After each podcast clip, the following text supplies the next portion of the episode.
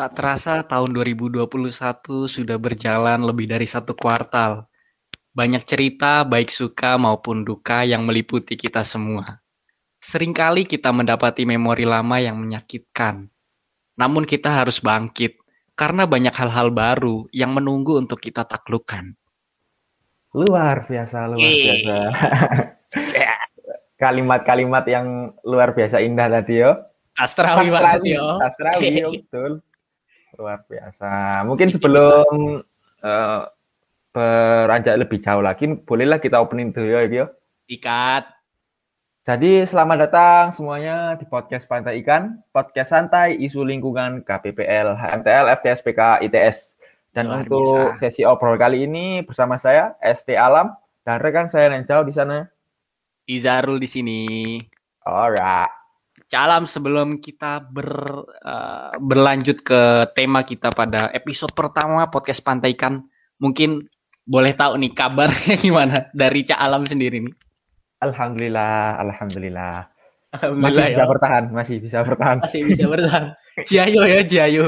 Ya yo, semangat, semangat. Kalau Bang Ijarul seperti apa? Eh, sebetulnya kalau secara overall masih sehat lah. Walaupun punggung kadang-kadang suka mengeluh sedikit ini. Nah, ya itu memang Duduk masalah yang- amat tuh ya. Duduk yang berkelebihan. So, mental mungkin ya, Bung ya. Nah, itu saya juga. sama, sama, sama. Mental kena banget ya mentalnya ya. Tapi gak apa-apa lah. Kayaknya masih bisa terkontrol lah ya. Ya, bisa semoga semoga semua apa ya semua problematika ini bisa terlewati begitu saja dan sesuai dengan apa yang kita harapkan ya cak ya. Amin, amin ya rabbal alamin. Guys. Karena sebagaimana pepatah dahulu, Lek, Wih seperti apa tuh? Ombak ganas menghasilkan pelaut-pelaut yang unggul. Wih dan sangar Gitu ya. itu ya yang kita tunggu. Oke eh kita langsung aja ya ke tema kita pada podcast episode pertama podcast Pantai Ikan jadi kita mau membahas pengaruh COVID-19 terhadap lingkungan Yoi kan Oke. Eh, tapi sebelum kita bahas ke situ, sebelum kita bahas ke dampaknya terhadap lingkungan, mungkin Cak Alam bisa nih berbagi sedikit latar belakang dari si COVID-19 ini kayak gimana gitu. Oke. Kalau sepengetahuan saya sih COVID ini mulai booming di media-media nasional itu pada akhir 2019 kayaknya ya. Hmm. Dan itu epicentrum awalnya di Wuhan, Cina kalau nggak salah. Dan itu akhirnya menyebar Betul, luas betul. ke seluruh penjuru bumi. Akhir jadi bener-bener akhir-akhir tahun 2019 ya sempat Mm. eh, mulai banyak beritanya bahwa ada virus COVID-19 di Wuhan, Cina. Hmm. Hingga akhirnya si virus COVID ini bertandang begitu ya. bertandang ke berbagai negara di penjuru dunia. Salah Iya, satunya iya. di Indonesia. Pada bulan Maret, inget banget tuh bulan Maret karena saya baru pindah kos. Begitu. Kan memang sekol sama saya ya. Iya, Bayarnya sudah full ya. sudah full. Lalu akhirnya si COVID-19 ini mengganas begitu ya. Karena Iya. kalau boleh jujur, eh, pas pertama kali COVID ke Indonesia itu aku sempat nggak terlalu aware lah. Kayak ya paling ini virus yang so-so begitu. Eh, malah pada awal-awal adanya COVID itu kalau aku sendiri malah bilang ini konspirasi, Pak. Konspirasi ya. elit global ya. Tapi ternyata enggak, guys. Memang benar Iya, karena- adanya, ya. Mm. Karena ya memang pengaruh media mungkin yang sangat Hmm. sangat sangat ini ya, sangat masif begitu. Iya, iya. Pesan- Gimana banyak eh, orang elit mungkin di Indonesia yang gimana ya ngomongnya supaya aman gimana ya Cak ya? Iya, biar menimbulkan suasana damai aman gitu ya, enggak ada panik gitu ya paling ya. Ya, Tapi akhirnya memang benar terjadi, memang ada gitu kan di sekitar memang kita. ada dan dan cukup masif Dan hingga- makan korban jiwa, ya. Betul. Bahkan orang-orang terdekat kita mungkin banyak juga yang eh, terdampak dari si COVID-19 ini begitu ya. Iya, iya. Ah, ya sudahlah itu bagian dari pelajaran gitu ya bahwa Mm. memang kita tuh nggak boleh meremehkan hal-hal apa pun mungkin ya. Hal-hal Nah, kecil apa pun tuh jangan jangan diremehkan begitu. Kalau Nah. ini Gimana? apa? COVID itu sebetulnya ini, Le, cukup Seperti similar, cukup similar sama salah satu wabah yang pernah terjadi juga di masa lampau. Hmm, Tepatnya seperti apa tuh? tahun 1997. Itu 1997 ya. ya. ya, itu Gimana gimana? ada wabah namanya virus Nipah. Mhm. Jadi hampir sama vektor pembawanya juga dari kelelawar, yang mana di virus di kelelawar virus Nipah ini bukan parasit mungkin ya, Hmm. tapi setelah adanya pembakaran hutan, deforestasi, manusia semakin mendekati hutan, dan akhirnya kelelawar-kelelawar tadi kehilangan lahan untuk mencari makan, kehilangan tempat tinggal, kehilangan tempat untuk bereproduksi gitu ya Bung ya. Mhm. Jadinya mereka memutuskan untuk cari lahan baru dan salah satunya yang disasar ialah pekarangan penduduk. Karangan warga ya, daerah-daerah Ya. pemukiman. Mm-mm. Dan itu ya virusnya akhirnya apa sih bilangnya berpindah, Berpindah. gitu ya. Betul. Iya. Menimbulkan wabah virus nipah gitu. Itu sempat masuk ke Indonesia berarti ya virus Nipah ini? Iya iya. eh.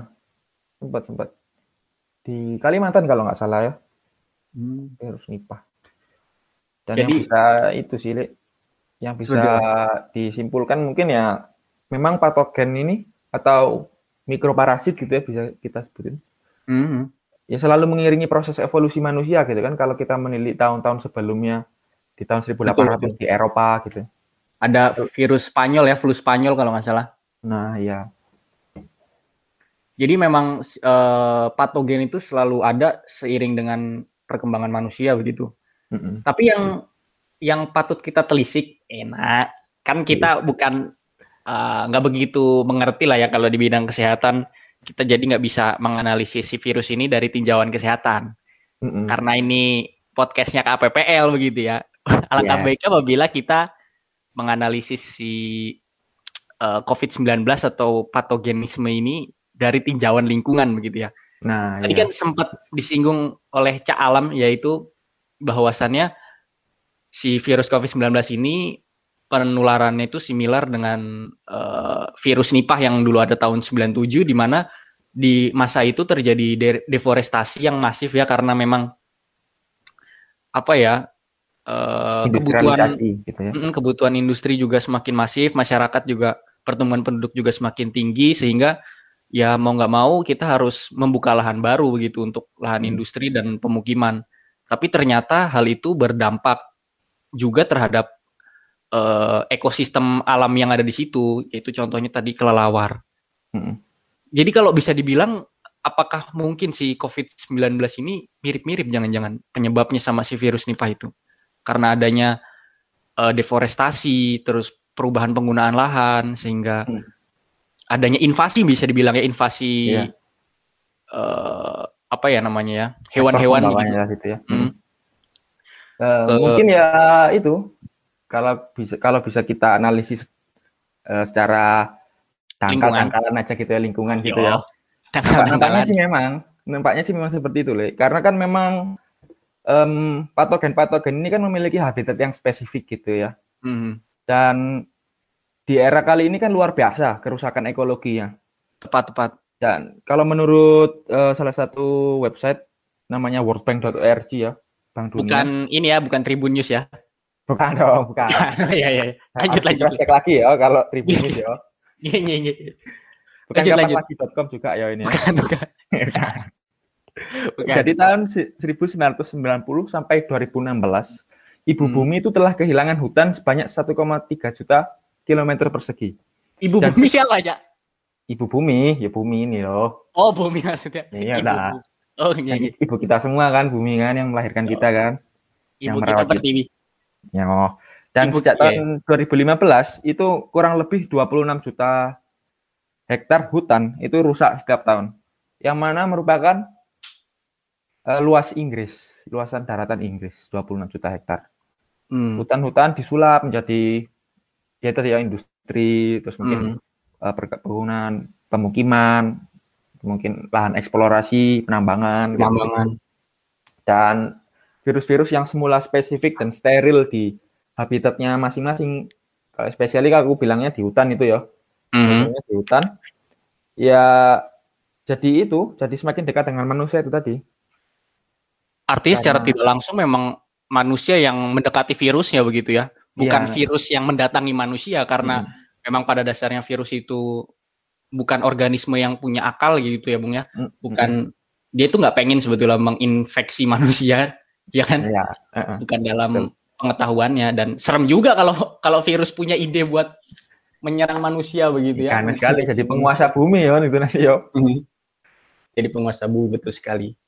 Oke. Tapi eh, cukup menarik tadi seputar apa ya namanya deforestasi itu tadi.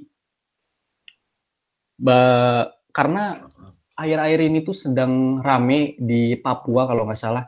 Itu ada sekitar ada lahan seluas ibu kota Seoul yang di ini yang di, di, di, di- dibakar gitu ya hutan di Papua itu yang seluas kota Seoul untuk dijadikan perkebunan sawit guna memenuhi kebutuhan bahan bakar nabati. Kan sekarang pemerintah itu kan lagi mulai marak ya bahan bakar nabati itu kan yang Iya. dari sawit Sawit ya. biofuel.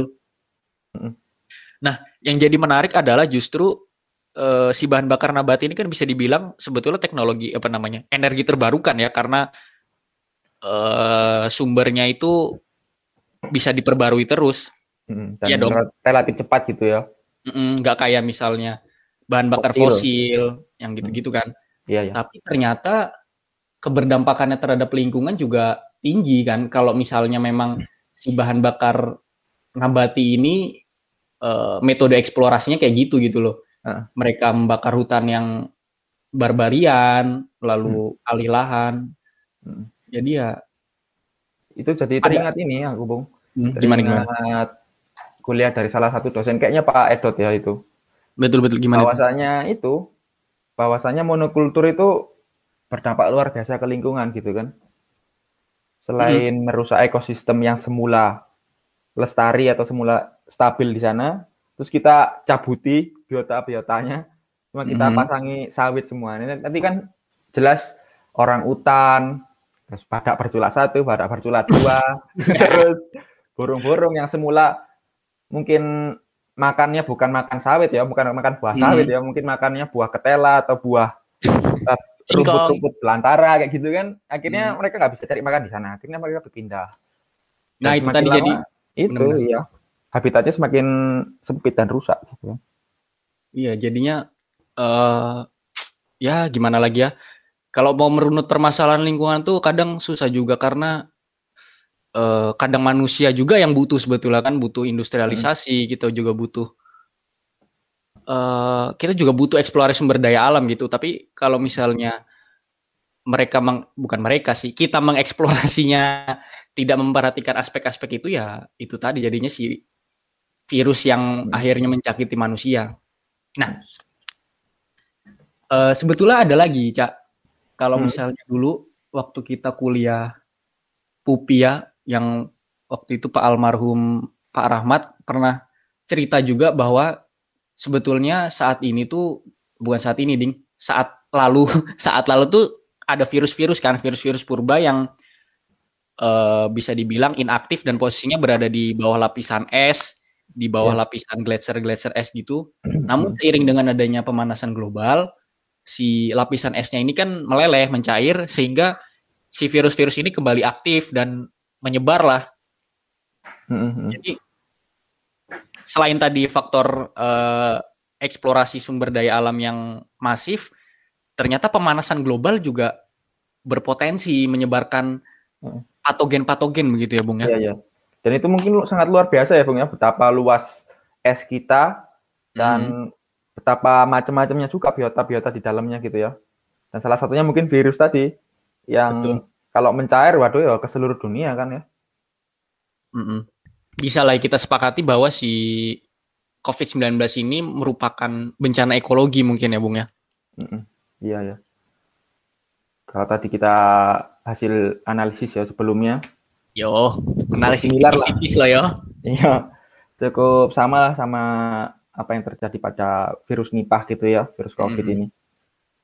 Tentang pembakaran hutan, deforestasi, dan mungkin juga bukan seperti bukan seperti itu karena kan memang virus COVID ini cukup kompleks gitu kan ya masih banyak Iya, iya. kajian-kajian yang dilakukan dan ya mungkin juga multifaktor yang menyebabkan virus COVID itu begitu luar biasa menyebarnya. Mungkin konspirasi begitu ya, Bung ya, elit senjata elit global. Ya bebaskan CRX ya, tetap ya. Enggak, enggak lah ya, bukan konspirasi ini beneran kok. Beneran ini. Ya penyebabnya aja yang masih masih banyak kajian lah gitu. Apakah Hmm. ini evolusi dari virus-virus yang telah ada atau mungkin itu tadi bisa jadi ini akibat adanya bencana ekologi. Nah, jadi hmm, respon bumi lah ya, respon bumi terhadap perilaku manusia yang melakukan eksplorasi sumber daya, lalu apa ya bisa dibilang melepas emisi yang barbarian itu tadi, akhirnya hadirlah si COVID-19 ini. Yes. Dan Ya, itu ya. Saya Gimana? sangat setuju sih itu tadi. Bencana ekologis tadi kembali lagi terngiang-ngiang. Dan sebetulnya respon bumi terhadap perilaku manusia itu nggak cuman pandemi gitu, banyak ya pemanasan global yang dampaknya sangat masif ya pemanasan global itu perubahan iklim dan perubahan iklim ini juga berdampak ke hampir kayaknya hampir semua sektor kehidupan lah ya. Iya sih, iya ya. Ekonomi, kesehatan, lalu apalagi ya, Tapi kan memang ini ya, Bung ya. Kalau eh, aspek-aspek makro-makro kayak ekonomi, politik, kayak gitu, pendidikan kayak gitu kan memang eh, ibaratnya apa ya?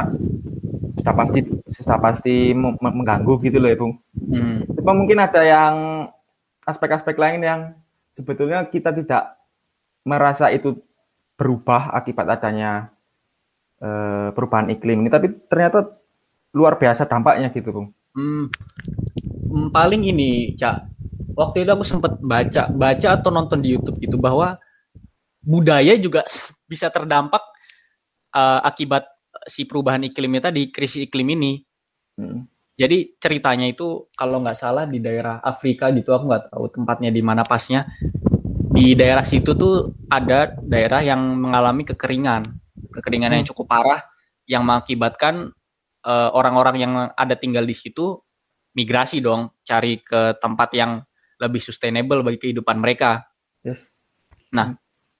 Ini berdampak pada hilangnya budaya yang ada di daerah itu tadi, daerah yang kekeringan itu, karena masyarakat-masyarakat yang berpindah mau nggak mau kan mereka harus membaur kan dengan lingkungan baru mereka sehingga ya budaya yang mereka bawa dari lingkungan mereka sebelumnya ya hilang begitu saja terlepas dengan zaman.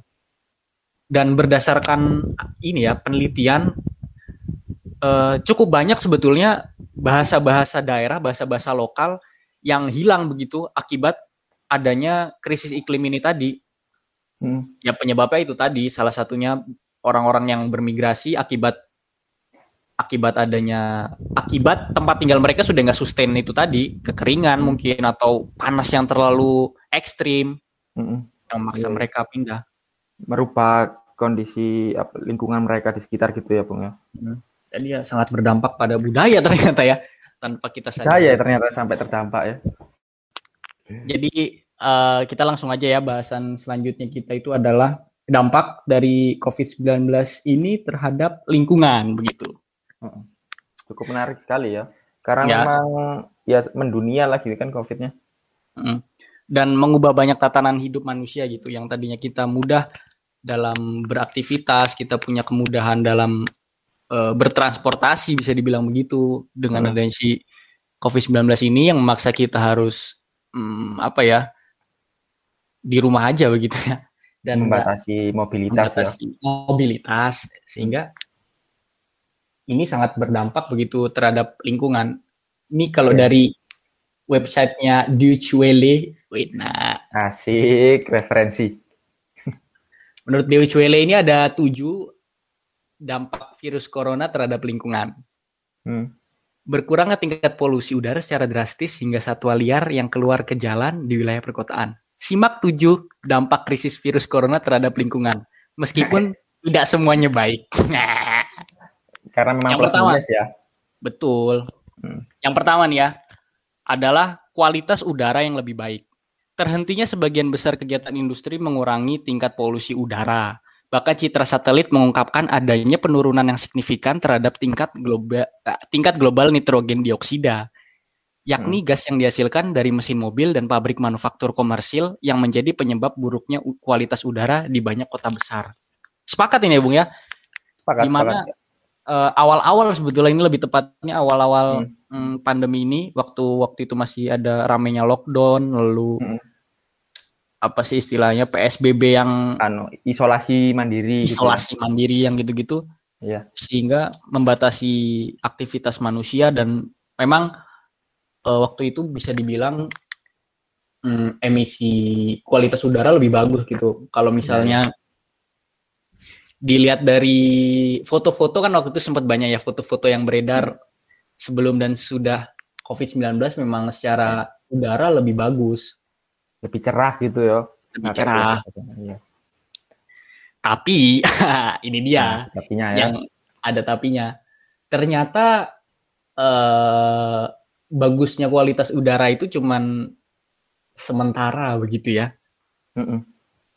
Cuman sementara. karena memang ini ya bung ya mungkin ya nanti kalau covidnya habis gitu ya nanti kan ya booming lagi gitu mungkin ya kurang lebih Hmm. itu Kalau eh, di ini menurut International Energy Agency, WENA, Eh, kata. Fatih Birol, itu ada namanya rebound effect, yaitu apa namanya kembalinya ya kembalinya gas-gas emisi ini kembali ter eh, terproduksi lah ibarat kata gitu Mm-mm. seiring dengan COVID-19 yang sudah di- nggak dianggap sebagai suatu krisis lagi oleh masyarakat.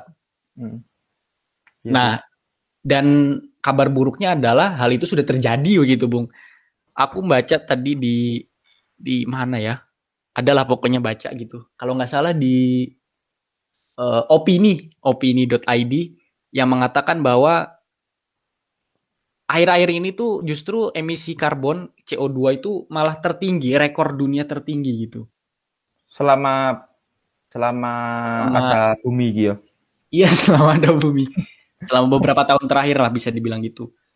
Jadi ya kayaknya sudah mulai memasuki itu tadi rebound effect Mm-mm. kembalinya gas-gas rumah kaca dilepas Mm-mm. dikarenakan hmm, mungkin manusia juga sudah kembali bisa beraktivitas bebas ya bung ya Heeh.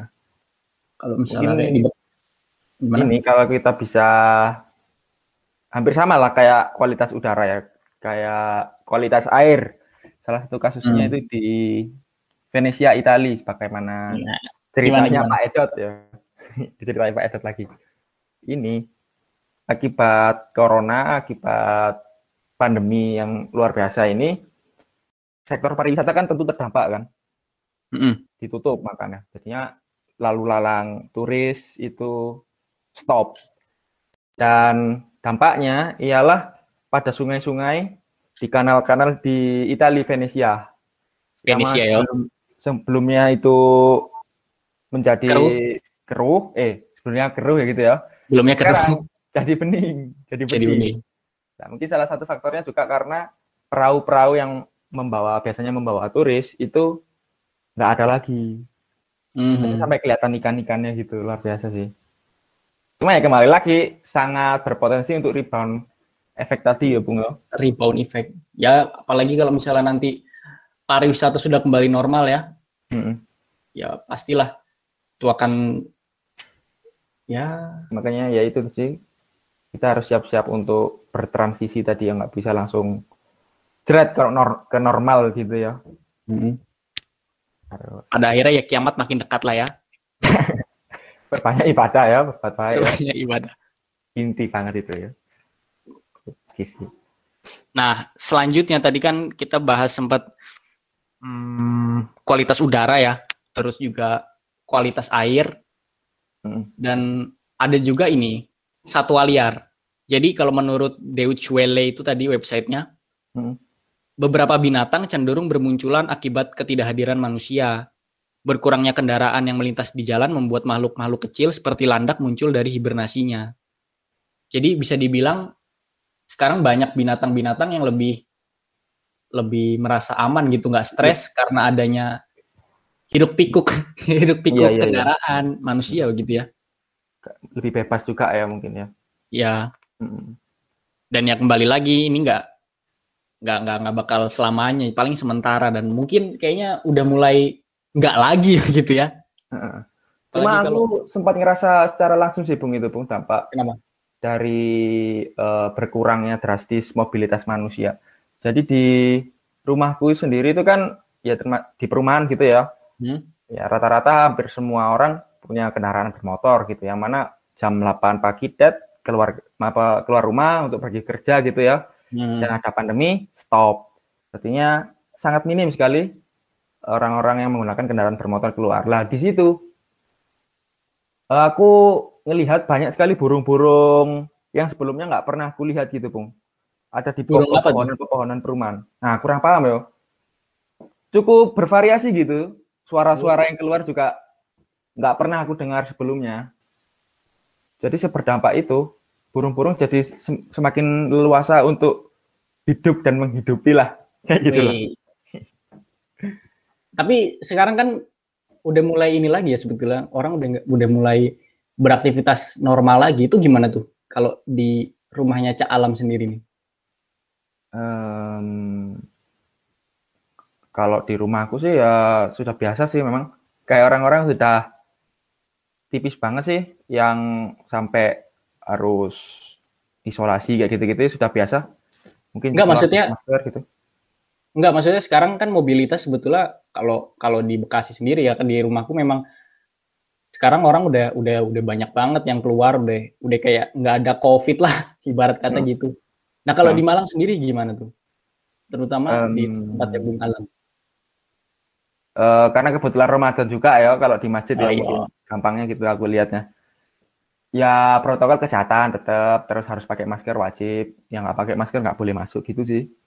Nggak maksudnya tetap mobilitasnya tinggi begitu kan? Tetap tetap karena memang sudah mungkin orang sudah jenuh ya pak ya setahun hmm. disuruh di nah, rumah. nah, nah itu gimana dampaknya terhadap burung-burung tadi? Masih ada oh burung-burung tadi ya. Iya. Pengen bridging ke situ pengen nanya burung-burung situ. Nggak oh, ada ya? Connect ya?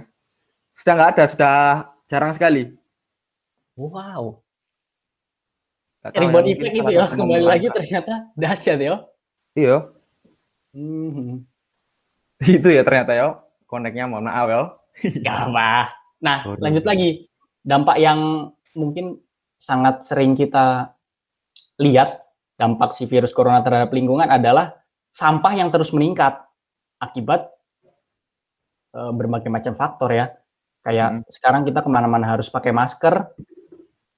Ya, masker sih. udah gitu kan mm, nggak tahu ya, kan ini ranahnya ilmu kesehatan bisa dibilang masker sekali pakai itu yang masker medis memiliki tingkat keamanan yang lebih tinggi daripada masker-masker yang multi pakai kan. Hmm. Yang mana masker sekali pakai ini kan tentu saja sangat berdampak pada meningkatnya jumlah timbulan sampah begitu. Iya, iya. Timbulan sampah B3 memang itu ya salah satu tantangan atau mm -mm. satu tantangan zaman kita itu ya itu mengenai limbah medis yang luar biasa banyaknya. Kayaknya apa namanya ya? Eh nggak tahu ini harus dimulai dari mana pemerintah atau masyarakatnya ter terhadap limbah masker ini tadi. Soalnya kan kalau kalau dipikir-pikir sebetulnya limbah masker ini kan limbah B3 begitu ya. Dan mm. penanganannya harus terpisah begitu. Iya, yeah, iya. Yeah, Tapi yeah. kalau kita lihat di lapangan kalau kita lihat ke tempat sampah-tempat sampah umum pasti kan nyampur begitulah ya. Mm -mm. Nah itu kurang paham lagi gimana manajemennya yo. Ya itu problem. Mungkin itu nanti ya. itu ya di sampah boleh boleh di diulas ya. Boleh dikritis yo. itu memang ranahnya tuh sampah untuk menjawab itu ya. Hmm. Nah, okay. selain sampah masker itu juga ada lagi sampah dari eh, aktivitas-aktivitas uh, seperti belanja online. Ya kan hmm. kembali lagi kita nggak boleh ke mana-mana, tapi kita juga tetap butuh lah memenuhi kehidupan. Ya hmm. belanja online sebagai solusinya begitu ya. Belanja hmm. online terus uh, sekarang juga beli makanan bisa online lewat GoFood GoFood gitu kan. Hmm. Yang mana ini berdampak pada meningkatnya jumlah sampah plastik gitu. Hmm. Ya sih, luar biasa dampaknya memang ya. Hmm. Hampir ke semua aspek gitu. Berarti ini sebenarnya Bung aku dapat sedikit garis gitu, garis besar mengenai gimana, apabila kita bandingkan corona sama perubahan iklim tadi ya sebelumnya ya Bung ya. Hmm? Bisa kembali. Corona ini kan sebetulnya asal usulnya dari satu spesies ya. Mungkin Hmm. ya. Mungkin di virusnya itu tadi. Dan itu Spesies bisa virusnya. ya. Dan itu bisa mengubah lifestyle atau eh, Gaya hidup. gaya hidup orang-orang sedunia akibat satu spesies saja yang ibaratnya apa ya dalam tanda Virus COVID-nya itu tadi ya. ya berulah gitu ya tanda kutip ya berulah gitu. Dan yang jadi tantangan terbesar kita sebetulnya adalah perubahan iklim atau krisis iklim tadi, yang mana itu tentu akan memberikan efek banyak kepada banyak spesies gitu, Bung ya. Hmm. Ke biota-biota laut, biota-biota hutan, ekosistem, ekosistem mana pun insya Allah bakal terdampak kalau ada krisis iklim ini. Insya Allah. insya Allah gitu. Dan Lalu, lalu. ya izin mengutip lah ya, ya. Gimana gimana? ada salah satu filsuf Serbia nih Luar biasa ini dia kita tunggu-tunggu. Keluar lagi. keluar lagi Virus Serbia. Ayo. filsuf Serbia namanya Slavoj Zizek ini dia bilang begini pandemi itu pandemi corona itu sebagai gladi bersih perubahan iklim yang akan datang Mhm. jadi manusia disuruh introspeksi coba kamu pikirkan lagi apa sih sebetulnya hikmah di balik corona ini dan kalau kata Slavoj Zizek ini tadi ya Mhm. bahwasanya ya itu tadi satu spesies yang berulah aja bisa luar biasa mengubah kehidupan kita. Lah, dilala ada perubahan iklim yang jelas-jelas bakal Berdampak besar gitu ya. berdampak, iya, berdampak besar kepada banyak spesies gitu kan. Pasti dampaknya luar biasa juga. Dan Luar biasa. Slavoj Zizek ya. Selamat saya. Ya jadi itulah dampaknya si COVID-19 terhadap lingkungan kita juga udah bahas banyak. Hmm. Lalu nih yang terakhir nih ya, yang tidak kalah penting yaitu hikmah. Nah, ini dia. Hikmah yang bisa kita petik dari COVID-19 ini. Dan mungkin hikmah ini bisa kita eh, refleksikan terhadap apa yang bisa kita lakukan mungkin ya. Kan kalau kita tadi bisa flashback ke belakang, si COVID-19 ini, hmm, kalau tadi itu kata Slavoj Zizek ya, Hmm. Serbia kan gladi bersih perubahan iklim. Jadi ya hikmahnya eh mitigasi mungkin ya. Mm. Mitigasi yang harus kita lakukan begitu. Dan Iya. yang paling fundamental sebetulnya adalah bagaimana kita memandang eh, peran manusia di ekosistem ini. Iya sih, iya, iya. Itu hal yang krusial ya. Mm-mm. peran masyarakat. Apa yang seharusnya dilakukan masyarakat dalam menghadapi pandemi ini ya? Iya, bu- bukan pandemi mungkin, bukan bukan hanya pandemi ya, bahkan krisis iklim itu tadi yang merupakan eh main eventnya lah ya. Kan kalau si pandemi ini kan gladi bersihnya gitu. Iya, iya, iya, bisa, bisa. itu ada di krisis iklim itu tadi. Iya, iya, iya. Ya itu dia. Karena apa ya? Gimana gimana?